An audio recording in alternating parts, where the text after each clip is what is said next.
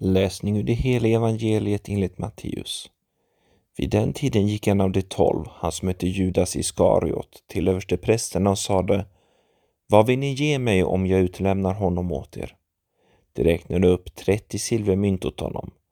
Från det ögonblicket sökte han efter ett lämpligt tillfälle att utlämna honom. Första dagen av det osyrade brödets högtid kom lärjungarna fram till Jesus och frågade vad vill du att vi ska ordna för påskmåltid åt dig? Han svarade Gå in till staden och hälsa den och den att er mästare säger Min stund är nära, jag vill hålla påskmåltid hos dig med mina lärjungar. Lärjungarna gjorde som Jesus hade sagt och ordnade för påskmåltiden. På kvällen lade han sig till bords med de tolv. Medan de åt sade han Sannerligen, en av er skall förråda mig.